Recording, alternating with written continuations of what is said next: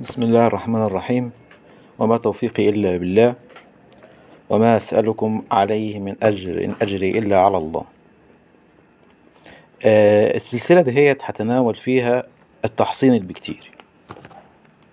آه، إحنا عايزين نتكلم عن التحصين بشكل آه، موسع وليس بالطريقة العلمية التي ليس لها علاقة بالتطبيق على أرض الواقع. بمعنى إن إحنا مش عايزين نتكلم على نظريات وأفكار علمية آه، آه، أكتر ما عايزين نتكلم عن تطبيق على أرض الواقع. طيب إيه هي أهمية التحصين؟ التحصين ليه أهمية كبيرة جدا وتناولناها قبل كده وهنعمل إعادة نشر لهذه الأفكار اللي قيلت عن التحصين. طيب فاحنا مش عايزين نتكلم على أهمية التحصين والمقارنة ما بينها وبين الاستراتيجيات الأخرى في مقاومة الأمراض البكتيرية في المزرعة. الاستراتيجيات الأخرى آه، اللي هي المضادات الحيوية في مقابل التحصين. البكتيريا إحنا بنتكلم عن التحصين البكتيري. وعملنا هذه المقارنة في أحد الندوات وإن شاء الله كنا مسجلينها وهنعيد نشرها. إحنا دلوقتي بنتكلم على الشخص اللي عنده اقتناع أن التحصين التحصين مفيد. لكنه يواجه آه، آه، عنده مشكلة في أن هذا التحصين عندما أقوم بتحصينه فإني أجد كثيرا من المشاكل تظهر في القطيع. وإن أنا لما بحصن ما بجدش الإفادة أو الاستفادة اللي أنا شايفها آه، موجودة في القطيع. طبعا كل المشاكل دي أو كل الانتقادات اللي موجهة للتحصين هي في الحقيقة هي ليها أسباب. وأسبابها بتتلخص في إن إن المربي بيقع في أخطاء آه، قاتلة في مراحل ثلاثة ما قبل التحصين وأثناء التحصين وهو بيحصن وما بعد التحصين. دول ثلاث مراحل اللي يقع فيها في أخطاء فده بي- بيخليه يشعر إن التحصين ده بيخليه يشعر إن التحصين ملوش آه، فائدة أو قليل الفائده خلاص كده؟ طيب إيه هي آه، مرحلة ما قبل التحصين؟ مرحلة ما قبل التحصين دي المرحلة اللي بتسبق عملية إن أنا أحصن. أنا خدت القرار دلوقتي إن أنا أحصن. لازم أشوف القطيع بتاعي هل هو في البداية مهيأ لهذا التحصين أو غير مهيأ لهذا التحصين؟ لأن بعض المربين بياخد التحصين يروح على طول ماسك القطيع كله محصنه و- في في في فيفاجأ إن مثلا خلال يوم يومين ثلاثة أسبوع إن ابتدت المظاهر مشاكل بكتيرية تظهر وطبعا ده بتبقى في خلل معين باين معاه آه، أو خلل معين ظاهر غير ظاهر ليه فيبتدى يظهر لما يحصن طيب اساسيات التحصين اللي إحنا بنقرأها في الكتب ومكتوبة في في النشرات بتاعه وزارة آه، الزراعة ومكتوبة في ال في ال في الإرشادات بتاعه التحصين اللي بيص- بيصدرها معهد التحصين والأمصال في العباسية. الإرشادات تتلخص فيه. يعني خلينا نتكلم على مرحلة الإرشادات الخاصة بمرحلة ما قبل التحصين. خلاص؟ الإرشادات دي هي تتلخص في إنك لا تحصن فرد مريض أرنب مريض حيوان مريض. أدي نمرة واحد. نمرة اتنين لا تحصن أرنب مصاب بالبكتيريا. يعني أنت دلوقتي بتحصنه عشان تبعد عنه مشاكل البستريلا. إذا كان هو مصاب بالبستريلا هتحصنه إزاي؟ وهو مصاب بالبستريلا. طبعا دي لها تفصيلات كتيرة ولها معلومات علمية كبيرة جدا كتيرة جدا. لكن إحنا دلوقتي زي ما قلنا إحنا هنغلب الجانب ال- ال- ال- الع- العملي على العلمي يعني الجانب التطبيقي على الجانب المعلوماتي. لأن إحنا في الأول في الآخر إحنا مش قاعدين ننظر على بعض في معلومات وفي الآخر إحنا مش مستفيدين المربي مش مستفيد منها حاجة. والهدف هو نفعك وليس آه، التعالي عليك في إن أنا أعرف معلومات أكتر منك أو تعرف معلومات أكتر مني. لا الهدف هو نفعك. خد النفع من ايا كان وطبق. خلاص؟ يبقى أول حاجة ما حصنش شخص آه، فرد مريض. خد بالك هنا بنتكلم على المرض بشكل عام. وتاني حاجة بنتكلم على المرض بشكل خاص اللي هو المصاب بالبكتيري. نمرة ثلاثة ما حصنش فرد ضعيف. يعني أرنبة مجهدة من عمليات التلقيح الخطأ اللي بتحدث في المزارع فأنا ما ينفعش أحصن أرنب مجهد صحيا. ضعيف. طيب خدنا ده كله من فين؟ من نقطتين مذكورين. إنك أنت ما تحصنش الأشخاص المعيفة والأشخاص المريضة. خلاص طبعا مع التوسع شوية في البحث عن التحصينات العالمية وإرشادات التحصينات العالمية والكلام ده كله. دي الأساسيات. الأساسيات دي بقى أنت لو خدت واحدة بس اتنين دول بس منهم وابتديت تطبقها على قطيعك هتكتشف إن أول خطأ بتقع فيه هي مرحلة ما قبل التحصين. هي مرحلة إيه؟ مرحلة إن أنا بحصن أشخاص فرد آه، أرنب مريض أو أرنب آه، عنده إصابة أو أرنب ضعيف. طيب أعمل إيه بقى؟ سيبك بقى من الكلام ده دي ادي معلومة نخش بقى على التطبيق مباشرة وخطوه خطوة. طبعا ال- ال- المربيين اللي اتعامل معاهم هذا النظام اللي أنا بقوله ده آه، نجحوا في التحصين. طبعا آه، آه، أنا ما بدعوش حد إن هو ينشر نت- نتائجه ولا بدعو حد إن هو يقول إن أنا نجحت بهذه الطريقة لأن المربي طبيعته يعني ربنا خلق الإنسان أصلا شحيح بطبعه. شحيح بطبعه يعني. فهو بيبقى عايز المعلومة و- وأما نشرها أو إخراجها بتبقى صعبة بطبعه. آه، وربنا عز وجل بيقول ومن يوق شح نفسه. طبيعة النفس هي الشح أصلا. فأنا مش بدعو حد إن هو ينشر ولا يقول إن أنا عملت ولا نقول إن إحنا هذا الطريقة نجحت معايا وحاجة لأن المربي كالعادة آه، آه، استفادته من المعلومة المعلومة تدخل ما بتخرجش. ما علينا. لكن هذه الطريقة آه، نجحت مع كثير من اللي طبقها وفي شروط لنجاحها معاه إن هو يبقى صادق مع نفسه ويبقى صادق في إن هو عايز نتيجة فعالة مش بيبقى بيسمع المعلومات عشان خاطر يقول أنا عملتها وفشلت. لا أنت عايز إيه؟ أنت عايز نجاحك أنت. طيب هذه الطريقة اللي هي إحنا هنتكلم عنها النهاردة أو دلوقتي في هذا البودكاست اللي هي إيه؟ ما قبل التحصين. مرحلة ما قبل التحصين هذه المرحلة مهمة جدا جدا جدا في موضوع التحصين ما ينفعش إن أنا أحصل من غير ما أعملها. بناء على المعلومات اللي مذكورة حتى في الإرشادات بتاعة الناس اللي حطت التحصين وعليك إنك تكذبني وتذهب إلى أي دكتور في معهد الأمصال وتقول له آه ينفع احصن فرد ضعيف أو مريض؟ وشوف الإجابة. لو قال لك آه خلاص. يبقى أنا كلامي خطأ. طيب مرحلة ما قبل التحصين أنا عايز أدخلك بقى عمليا بقى من غير التفصيلات طبعا من أحد أحد الحاجات اللي دفعتنا إن إحنا نعمل هذه السلسلة إن بعض المربيين لما مشينا معاهم خطوة خطوة خطوة بهذه الطريقة وصل لنتيجة وتمنى أو كان عنده رجاء إن إحنا ننشرها للناس. بحيث إن الناس تمشي كده تمسك البودكاستات تسمعها تبتدي تطبق تنفذ تعمل وهكذا. خلاص؟ طيب أول حاجة أول فكرة إن أنا أبدأ إن أنا أفحص القطيع بتاعي. فحص القطيع ده يا شباب يا مربيين في غاية الأهمية. أحد المشاكل الرئيسية وفشلنا في هذا المشروع هو إن إحنا ما بنفحص القطيع. أحد الأسباب اللي بتخلي المربي أنا بتكلم على حاجات خارجة عن نقاط أهي بس مهمة جدا. أحد الأسباب اللي بتخلي المربي يفشل لما يكبر مشروعه إن هو بيبعد عن الارنب كل ما بتقرب من الارنب كل ما نجاحك بيزيد. افحص الأرانب بتاعتك مرة في الأسبوع. لو انت ما عندكش مقدرة إنك انت تفحصهم مرة في الأسبوع ما تزودش عددك. خلي عددك على قدك هتكسب أكتر. ليه؟ لأنك هتفحص الأرنب. هتشوف المشكلة قبل ما تظهر أو أول ما تظهر. وطبعا من الناحيه ال- ال- العلاجية والناس اللي فاهمة في العلاج عارفين ان أن العلاج في بداية أي مشكلة بيبقى أسهل كتير جدا. والمثال البسيط أنت لو بتفحص أرنب وعنده بدايات جرب وعالجته أي علاج هيجيب نتيجة. لكن أنت لما بتفحصه بعد ما بتوصل يجي بعد ما ربنا يقول لك آه أصل الأرنب ده ظهر فيه الجرب فجأة. اول ما بيقول كلمة فجأة دي بت... ب... ب... أنا على طول بصنفه إن هو ما بيفحص قطيعه بشكل جيد. ليه؟ لأنه فجأة وهو ماشي لقى ال... ال... ال... الأرنب. تعال افحص قطيعك. طيب يبقى أول نقطة إن أنا أفحص القطيع. تاني نقطة الكتابة. أكتب الأم رقم كذا. عندها كذا الأم رقم كذا عندها كذا. أكتب على كل أم حالتها الصحية. وطبعا دي مسألة آه، برضو عند بعض المربين صعبة. موضوع الكتابة ده مش عايز يكتب.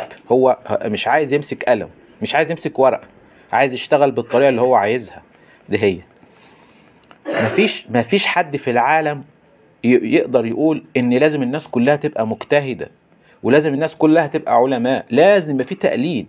لازم تتعلم إنك تقلد غير تقلد علشان توصل للنجاح. لكن أنت عايز تبقى عالم في كل حاجة طبعا يستحيل صعب. صعب جدا. مش كل العقول عندها القابلية لده. خلاص؟ طيب فأنت تبتدي بقى إيه؟ تأيد. الأم عندها كذا الأم دي عندها كذا الأم دي عندها كذا. خلاص؟ طيب أدي نمرة اتنين الخطوة الثالثه أبتدي بقى أعد بقى المصاب. واصنفه وليكن مثلا أمسك كده قائمة جرب. كم ام عندها جرب؟ كم ام عندها التهاب عرقوب؟ كم ام عندها التهاب رحم؟ كم ام عندها التهاب ضرع؟ كم ام عندها التهاب في عينيها؟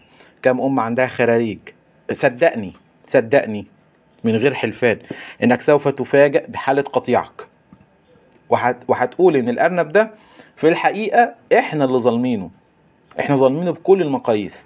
لأن الارنب بيبقى بيعاني وعنده أمراض عايش بيها وعمال ينتج ويطلع وأنت مش وأنت حتى ما بتفكرش إنك تفحصه وتشوف هو عنده إيه. خلاص؟ فتصنف وتعد. يبقى نمرة أربعة هعد وأصنف خلاص؟ وأحط كل مجموعة لوحدها. طيب أبتدي بقى أقيم حالة القطيع الصحية طبعا ده ما بنقول أهو.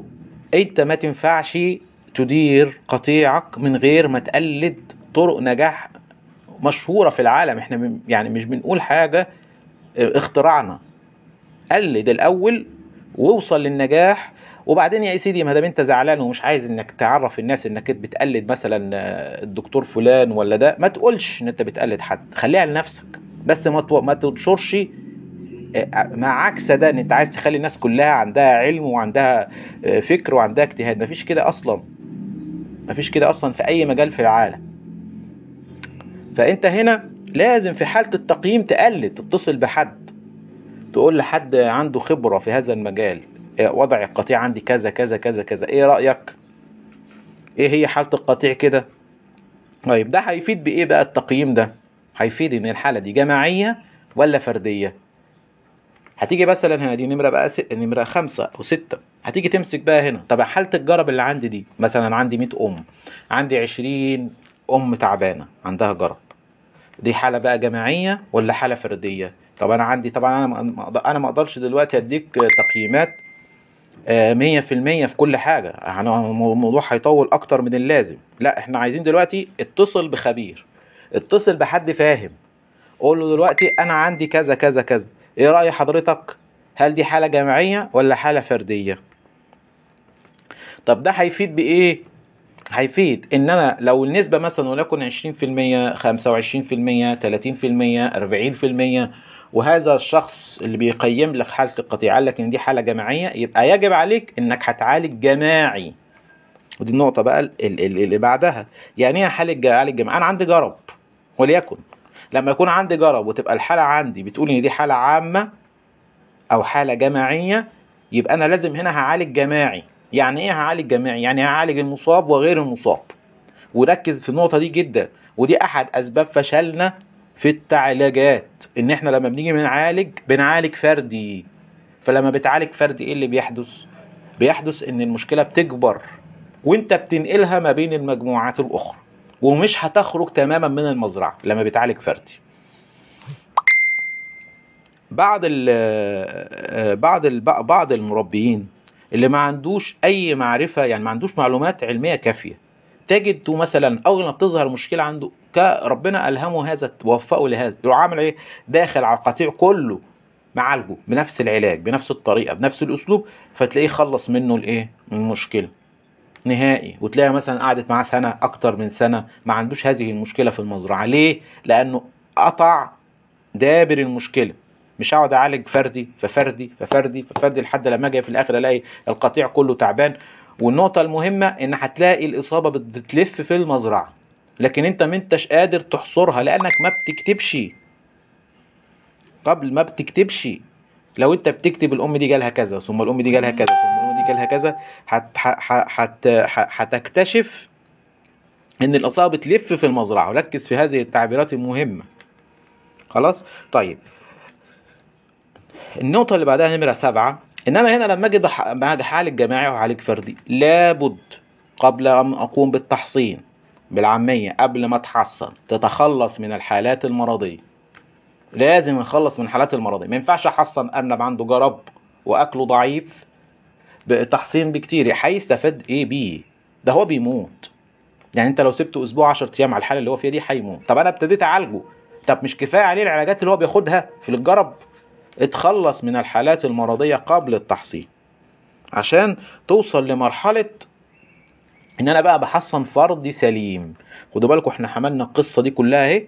بناء على معلومتين مذكورين في المنشورات ومذكورين في التعليمات بتاعة التحصين إن أنت ما تحصنش فرد مريض ما تحصنش فرد مصاب ما تحصنش فرد ضعيف. كل اللي أنا بقوله ده ليه ارتباطات كبيرة جدا في عمليات التلقيح وعمليات التغذية وعمليات كذا وعمليات كذا كل ده ليه ارتباط. لما يكون الأرنب ما عندك بيه جوع وتخيل إن أنت لما تديله التحصين هينجح بيجوع. هو مش عارف يحصل على احتياجاته الغذائيه من من العلف. متخيل انت لما تديله التحصين إن التحصين هينجح معاه؟ طب أنا بجوعه ليه؟ دي قضية تانية بقى. يعني كل واحد وليه إيه أفكاره في التجويع ومعتقد إن هذه الأفكار هي الصح. ويستطيع هذا المربي بهذه الأفكار إنه يقف قصاد العالم كله ويقول لك كلكم كلام غلط وإحنا وأنا كلامي صح. وكأنه هو بيخترع أرنب جديد. خلاص؟ طيب.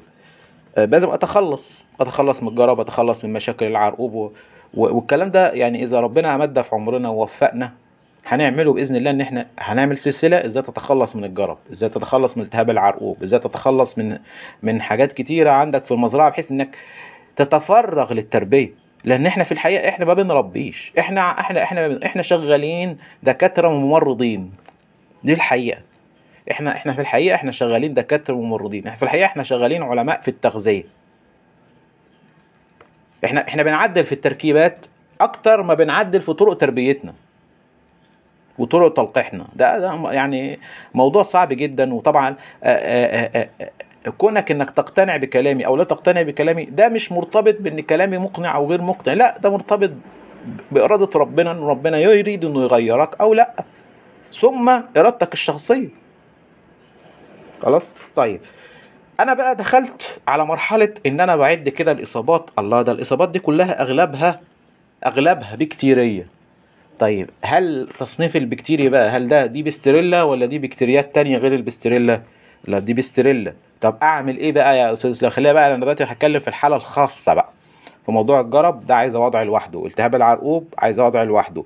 الضعف عايز عايز كلام لوحده وهكذا. طيب تعالى بقى في مرحلة إن أنا اكتشفت إن الاصابات كلها اللي عندي دي بكتيريه وتصنيف البكتيريا دي على إنها بستريلا طبعا ده تصنيف بناء على الأعراض الظاهرية. بناء على الأعراض الظاهرية. التصنيف الدقيق هو إن أنا أعمل تحليل. وعشان أقول لي سيادتك اعمل تحليل وتروح تعمله في معمل والمعمل. يخطأ. فترجع تقول لا ده التحليل غلط. فتكفر بالتحليلات وتكفر بمعاملات الحساسية. يبقى أنا بدخلتك في سكة مسدودة. لا خلينا بقى إيه؟ في التحليل الظاهري. التحليل الظاهري دي بستريلا. أعمل إيه؟ أعمل إيه بقى عشان دي بستريلا؟ أمسك القطيع كاملا أعالجه. أول ما هكتشف إن هذه النسبة المئوية كما يحددها أحد الخبراء أو الناس اللي عندهم معرفة إن دي حالة جماعية يبقى هنا لازم أعمل إيه؟ أتدخل في إني أعالج القطيع كله ضد البستريلا. وأنا بحدد البستريلا ليه؟ لأن البستريلا مسؤولة عن حاجات كتيرة جدا. التهاب التهاب التهاب الضرع. التهاب الرحم التهاب الأذن الوسطى التهاب العين الرشح اللي انت بتشوفه الالتهابات الرئوية وغيره بقى وغيره بقى غيره يعني قايمة طويلة قايمة طويلة جدا. خلاص كده؟ طب أنا اكتشفت إن دي بستريلا وأحد الخبراء قال لي لا دي دي بستريلا. آه والخراريج معانا حط الخراريج. اكتشفنا إن دي بستريلا. أعمل إيه بقى؟ طب ليه يا أستاذ سامي؟ أنت اتكلمت عن البستريلا ما اتكلمتش على بقية الأمراض لأن إحنا دلوقتي بنحصن ضد البستريلا فإحنا هنتكلم بخصوص لو اكتشفنا إن الحالة دي جماعية في البستريلا. هعمل إيه؟ هعالج هعالج القطيع كله كله بلا استثناء. مدة زمنية صحيحة مضاد حيوي صحيح جرعة صحيحة. ثلاث الشروط دول أنا ذكرتهم قبل كده في أحد البود... البودكاست اللي اتكلمنا فيه عن المضاد الحيوي وإن أنت للأسف المربي بيعالج غلط بيعالج غلط. ولو في مربيين عندهم فكرة إن أنت تاخد المعلومة. وتاخد المعلومة وتخرجها كانوا طلعوا على النت من زمان وقالوا إن إحنا كنا بنعالج غلط. كنا بنعالج غلط بالدليل إن إحنا لما عالجنا صح الحالة اتحسنت لكن كالعادة الإنسان طبعه في شح. خلاص؟ فهنا أغلب أغلب علاجاتنا كانت غلط. بتدي جرعة غلط ومده غلط وبتختار مضاد حيوي غلط. يعني إحنا في أحد الأبحاث وإحنا بنبحث عن مضادات حيوية المنتشرة لقينا المضاد الحيوي ده أصلا ما بيجيبش نتيجة مع البكتيريا اللي أنتوا بتدوها. أمال أنت بتديه ليه؟ دي حاجة. وبعدين اكتشفنا وإحنا بنبحث إن كمان المضاد الحيوي ده خطر على الأرنب لأنه بيسبب له مشاكل في الكلى. طب أنت بتديله هلو ليه؟ يعني أنت كده مش بتديه له بس أنت بتأذيه. ويجي بعد كده يشرح الأرنب يفتح الأرنب يلاقي الكلى وتعبان يقول لك بس ده دي أكيد أمراض أخرى وحاجات مش عارف إيه. طب أنت هنا ما أنت هنا اديته علاج غلط وكمان العلاج الغلط ده أذى الكلى. فأنت متخيل إن هو هيطلع هتفتح وتلاقي الكلى بتاعته سليمة؟ ده أنت هارين مضادات حيوية. فأنا لازم أعالج القطيع علاج مظبوط واختيار المضاد الحيوي مظبوط ومدة مظبوطة. طبعا أنا هحيلك إلى البودكاست اللي اتعمل عن المضاد الحيوي والجرعة المضاد الحيوي وطبعا الحاجات دي كلها هنعيد نشرها. طبعا برضو للعلم أنا لما أختار المضاد الحيوي كواحد مثلا أنت بتتصل بيا لازم لما أجي أختار المضاد الحيوي أختار المضاد الحيوي بناء على تاريخك أنت مع المضاد الحيوي. لو أنت بتدي إيه وكنت شغال بإيه ودلوقتي أنا هتخليك تدي إيه. لأن أنا لو اكتشفت ان انت بتدي مضاد حيوي أنا هنصحك بيه. ما دلوقتي انت إحنا دلوقتي يا اسلام ما استفدناش حاجة. إيه هو المضاد الحيوي؟ ما أنا ما ينفعش احدد لك مضاد حيوي وأنا ما أعرفش تاريخك السابق مع المضادات الحيوية. لازم اعرف تاريخك السابق عشان أقول لك المضاد الحيوي ده ممكن يجيب نتيجة لانك انت ما استخدمتوش. أو اكتشف ان انت كنت بتستخدم المضاد الحيوي ده غلط فاقول لك المضاد الحيوي ده اذا ما ينفعش لأن انت استخدمته غلط فالبكتيريا اصبحت إيه؟ كونت ضده مناعة أو كونت ضده مقاومة فأصبح من الصعب أنه يجيب معاها نتيجة وهكذا. فإذا أنا ما أقدرش أحدد لك بشكل تفصيلي المضاد الحيوي بس أنا هديك مثال المثال ده أنا هعيد نشره في أحد المضادات الحيوية اللي إحنا كنا بنستخدمها غلط والمدة الصحيحة والجرعة الصحيحة ليها. خلاص؟ أدي مرحلة العلاج الجماعي لو هي لو هي إيه؟ بستريلا. وإحنا متأكدين إنها بستريلا بدليل إيه؟ الإحصائيات اللي إحنا عملناها. آخر نقطة طبعا البودكاست ده كبير شوية بس عشان نستفاد. آخر نقطة إن أنا دلوقتي ودي نقطة بيجهلها الكثير من المربين. مش عيب إن أنا أقول إن أنا أنا بجهل حاجة. لا مش عيب. العيب إن أنا يعني علشان أنا أجهلها أعاديها. معلومة لا أنا اجهلها الإنسان عدو ما يجهل. يعني أنا مش معنى إن أنا مش عارف معلومة يبقى أكيد المعلومة دي غلط. ليه يعني؟ أنت لم ترسل نبي للأرانب. بقول ما أعرفش. دي حاجة. تاني حاجة مش معنى إن أنت ما تعرفهاش يبقى هي غلط. أو أعاديها وابتدي أهاجمها وأبتدي أقول هذه المعلومة غير صحيحة. المعلومة دي الذي يجهلها كثيرا من المربين الفاصل الزمني بين التحصين وبين المضاد الحيوي. لازم على الأقل طبعا هذه المعلومة مصدرها أحد الدكاترة المتخصصين داخل معهد العباسية للأمصال واللقاحات. إن لازم أقل مدة تبقى خمس أيام. وده طبعا يعني مدة تقديرية الهدف منها في الأساس إنك أنت تريح الجهاز المناعي قبل إجهاده مرة أخرى بالتحصين. ده الحكمة الحقيقية إن أنت بتفصلهم ما بينهم وبين بعض. ليه؟ عشان تريح الجهاز المناعي قبل الدخول في إجهاد آخر في التحصين. خلاص كده؟ ده ما قبل التحصين. والمدة الفاصلة يستحسن في المدة الفاصلة دهيت اللي ما بين التحصين إنك تحط بعض روافع المناعة علشان تنشط الجهاز المناعي على إنه يقوم بإيه؟ بوظائفه طبعا وضع وضع مرافع المناعة مرتبط ارتباط شديد بتركيبتك مرتبط ارتباط شديد بطريقة تقديمك للعلف مرتبط ارتباط شديد بطريقة تلقيحك للأرانب. كل ده متصل. مفيش حاجة يا مربيين منفصلة عن بعض. مفيش تغذية منفصلة عن الوراثة مفيش وراثة منفصلة عن العلاجات مفيش علاجات منفصلة. كل حاجة كل حاجة مرتبطة ببعضها. مفيش مفيش الانفصال اللي في دماغكوا ده الانفصال في دماغكوا ده انفصال خطأ وهو اللي بيوقعنا في المشاكل.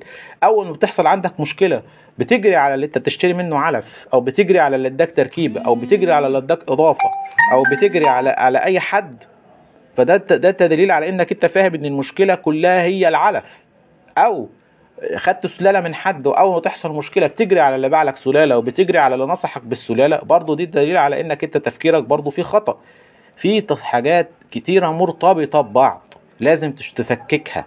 طب ما هو ممكن يا أستاذ إسلام تكون الكلام فعلا العلف؟ آه ممكن. ما إحنا ده هذا الكلام ليس فيه تبرئة للي اداك تركيبة ولا اللي اداك إضافة ولا اللي اداك علف ولا اللي اداك سلالة ولا اللي شرع عليك بيها ولا أي حاجة. ده مش تبرئة ليه بس لازم إنك تقعد تفكك المشكلة تشوف دي مشكلة إيه أنا عملت إيه أنا جابهتها إزاي أنا اتصرفت معاها إزاي هل سلوكياتي حفزتها؟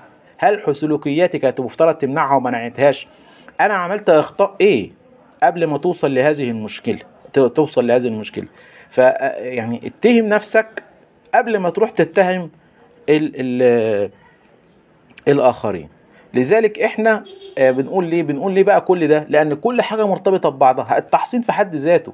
التحصين في حد ذاته. في تركيبات أعلاف بتنشطه بتخليه جيد بتخليه يجيب في تركيبات أعلاف بتدمر الأرنب مناعيا. فبتخلي التحصين ملوش أي لازمة. معاه. طبعا ملوش أي لازمة ده مبالغة. آه بتخلي تأثير الكلام الدقيق بتخلي تأثير التحصين أقل. ده الكلام الدقيق. بس إحنا كده في هذه النقطة أو في هذه الجزئية إحنا عملنا إيه؟ اتكلمنا على ما قبل التحصين. بودكاست القادم هيبقى آه المفترض في السلسلة دي هيبقى أنا بحصن بقى إزاي؟ وركز ركز معايا. إن أغلب المشاكل اللي بتحدث للمربي هي مشاكل مرتبطة بسلوكه هو. هو. إيه اللي بيحدث لما أنت قائمة الاتهامات بقى؟ قائمة الاتهامات لما بتفشل في التحصين. اولا التحصين ده ملوش لازمة. التحصين ده ما بيجيبش نتيجة. أصل التحصين ده مش كل مش ضد كل الاعتراضات البكتيري أصل التحصين ده مضروب. أصل إحنا لازم نطور في التحصين. أصل التحصين ده هو التشغيلة ديت مش حلوة. المصدر اللي أنا جبته مية أكيد مش حافظه. كل قائمة الاتهامات كل قائمة الاتهامات بلا استثناء هتلاقيها خارجة عن حدود حدودك انت دايرة تأثيرك انت علماء النفس بيقول لك في حاجة اسمها دايرة التأثير. هتلاقي دايما خارجة عن دايرة تأثيرك. انت عملت إيه؟ في خطأ حصل؟ هل انت قبل ما تحصن فكرت انك تتعلم تحصن إزاي بعد كده احصن هل فكرت انك تتصل بأي دكتور شهير؟ أي واحد متخصص في التحصين تسأله أنا أحصن إزاي؟ والدكاترة الشهيرة أو الناس المعروفة اللي عندها قدرة على الخدمة للوجه الله كتيرة كتير. فأنت ده ركز في كاير في دايرة تأثيرك أنت. ركز في دايرة تأثيرك أنت. ركز في ده. فبدل ما تتهم الآخرين وتصل بيك الاتهام إنك تتهم هيئة كاملة حكومية فيها علماء إن التحسين خطأ. ما تقدرش تتهم دايرتك أنت دايرة تأثيرك أنت انك عملت بعض التصرفات الخطأ. لا. يبقى إحنا لازم نقوم هذه التصرفات نجتهد فيها. ثم بعد كده بقى نفكر في الإيه في الحاجات الكبيرة قوي دي اللي هي أكبر من نطاق إحنا تأثيرنا إحنا. طبعا برضو ده ليس معناه عشان أنا عارف الكلام هيتفهم إزاي يعني. ده ليس معناه إن إحنا بنبرأ كل الناس وبنتهم نفسنا. لا. أنا بقول لك ركز على دايرة تأثيرك الأول وبعد ما تفرغ القوة وتعمل كل ما هو يستطيع أن يفعل ركز ابتدي بقى وزع اتهامات زي ما أنت عايز. وصدقني أنت لو عملت كده مش هتنشغل بعيوب حد هتنشغل بعيوبك. وشكرا لكم على حسن الاستماع. وأرجو من الله عز وجل أن يجعل العمل ده خالص لوجهه الكريم. وأدعو من الله أن يوفقنا في استكمال ده. واعذروني أن هو نص ساعة نظرا لأن الموضوع مهم ومحتاج بسط. أنا بخرج حوالي بره الموضوع وبرجع علشان في نقاط فكرية. لو اتغيرت في عقلية المربي هتتغير فكره أصلا في التربية. وشكرا لكم